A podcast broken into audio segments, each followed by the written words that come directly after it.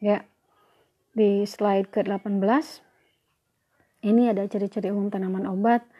Sebenarnya sih tergantung dari bahan apa yang diambil, dari bagian akar ya, akar akar ilalang sama akar wangi itu berbeda. Umbi ya. Umbi bawang putih, umbi bawang merah, kemudian umbi dari tempo teki, kemudian umbi banyak sekali umbi ya. Itu berbeda-beda. Kemudian rimpang, rimpang yaitu jahe, kunyit, uh, kemudian lengkuas, kemudian apalagi uh, yang rimpang. Saya jadi lupa ya. Itu juga berbeda-beda ciri-ciri umumnya ya. Kemudian kayu juga berbeda-beda. Kayu secang tongkat ali itu juga berbeda-beda. Kemudian kulit pohon juga beda-beda. Biji-bijian ya ciri-ciri umumnya tergantung dari apa yang diambil. Daun-daunan juga sama ya. Daun macam-macam ya.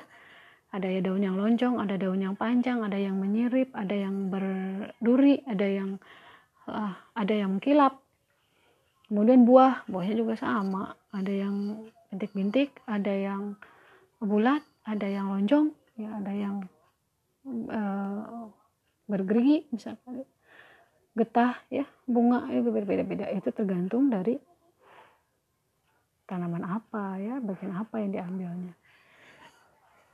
Kemudian slide selanjutnya di slide 19 jadi dari semua obat tradisional ini macam-macam sekali banyak tujuan penggunaannya.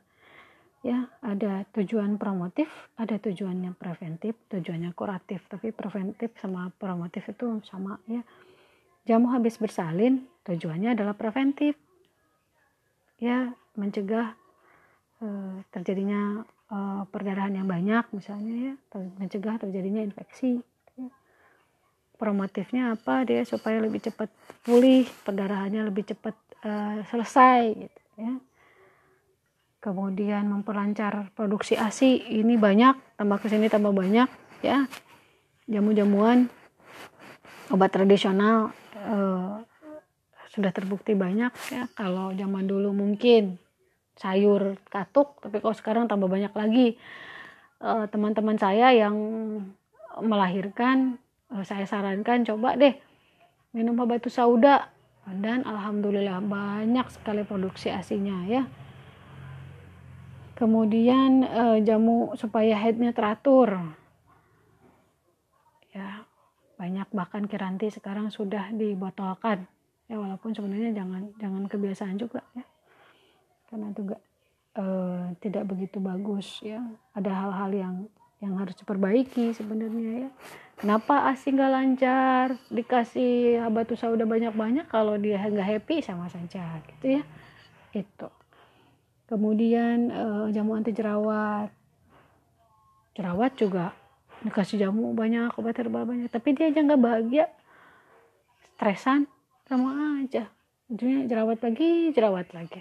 Ya galau terus jerawat lagi yang muncul. Kemudian jamu anti nyeri waktu head sama. Dikasih obat. Bahkan saya dulu waktu amenor 8 tahun bukan dikasih jamu lagi saya. Dikasih antibiotik eh antibiotik analgetik yang sampai disuntik sama aja nggak ngaruh kalau kita yang nggak beres ya. Dikasih anti nyeri ya nggak nggak ngaruh ya. Jadi dari dalam diri sendiri. Kemudian tujuannya kuratif jamu keputihan ini banyak banget nih. Aduh perempuan. Saya kalau saya masuk kelas reguler saya suka tanya siapa di sini yang keputihan? Karena biasanya yang yang reguler yang banyak keputihan. Walaupun saya belum belum kaji juga sih. Sebenarnya emak-emak juga banyak yang keputihan ya. Nah ya keputihan kita kasih obat kuratif kasih apa namanya e, beluntas misalkan zaman dulu kan beluntas ya. Ya terus ada lagi apa manjakani ya. Sampai ada yang dimasukin ya ke vagina. Ya bakalan keputihan lagi kalau kitanya masih cerewet masih bawel masih kalau ngomong itu tajam kata-katanya sama aja masih keputihan gak ngaruh. Jadi benerin dulu dirinya baru nanti sembuh ya dibantu dengan jamu-jamu boleh supaya lebih cepat lagi. Tapi intinya benerin dulu diri kita sendiri. Kemudian jamu batuk. Ya kita bikin sendiri apa jeruk nipis misalkan sama dicampur dengan madu. Atau jeruk nipis dicampur sama kecap ya atau eh, apa namanya kencur. Itu untuk kuratif. Kemudian jamu sesak nafas ya sesak nafas sih tinggal bebannya aja dikeluarin sebenarnya. Jamu gatal ada jamu bau badan ya. Pasir influenza tadi saya katakan ada ya itu yang pasir. Influenza juga jamu ada. Dan tinggal pakai apa namanya uh, jeruk nipis juga bisa ya dengan air hangat dengan gula batu atau dengan madu juga bisa influenza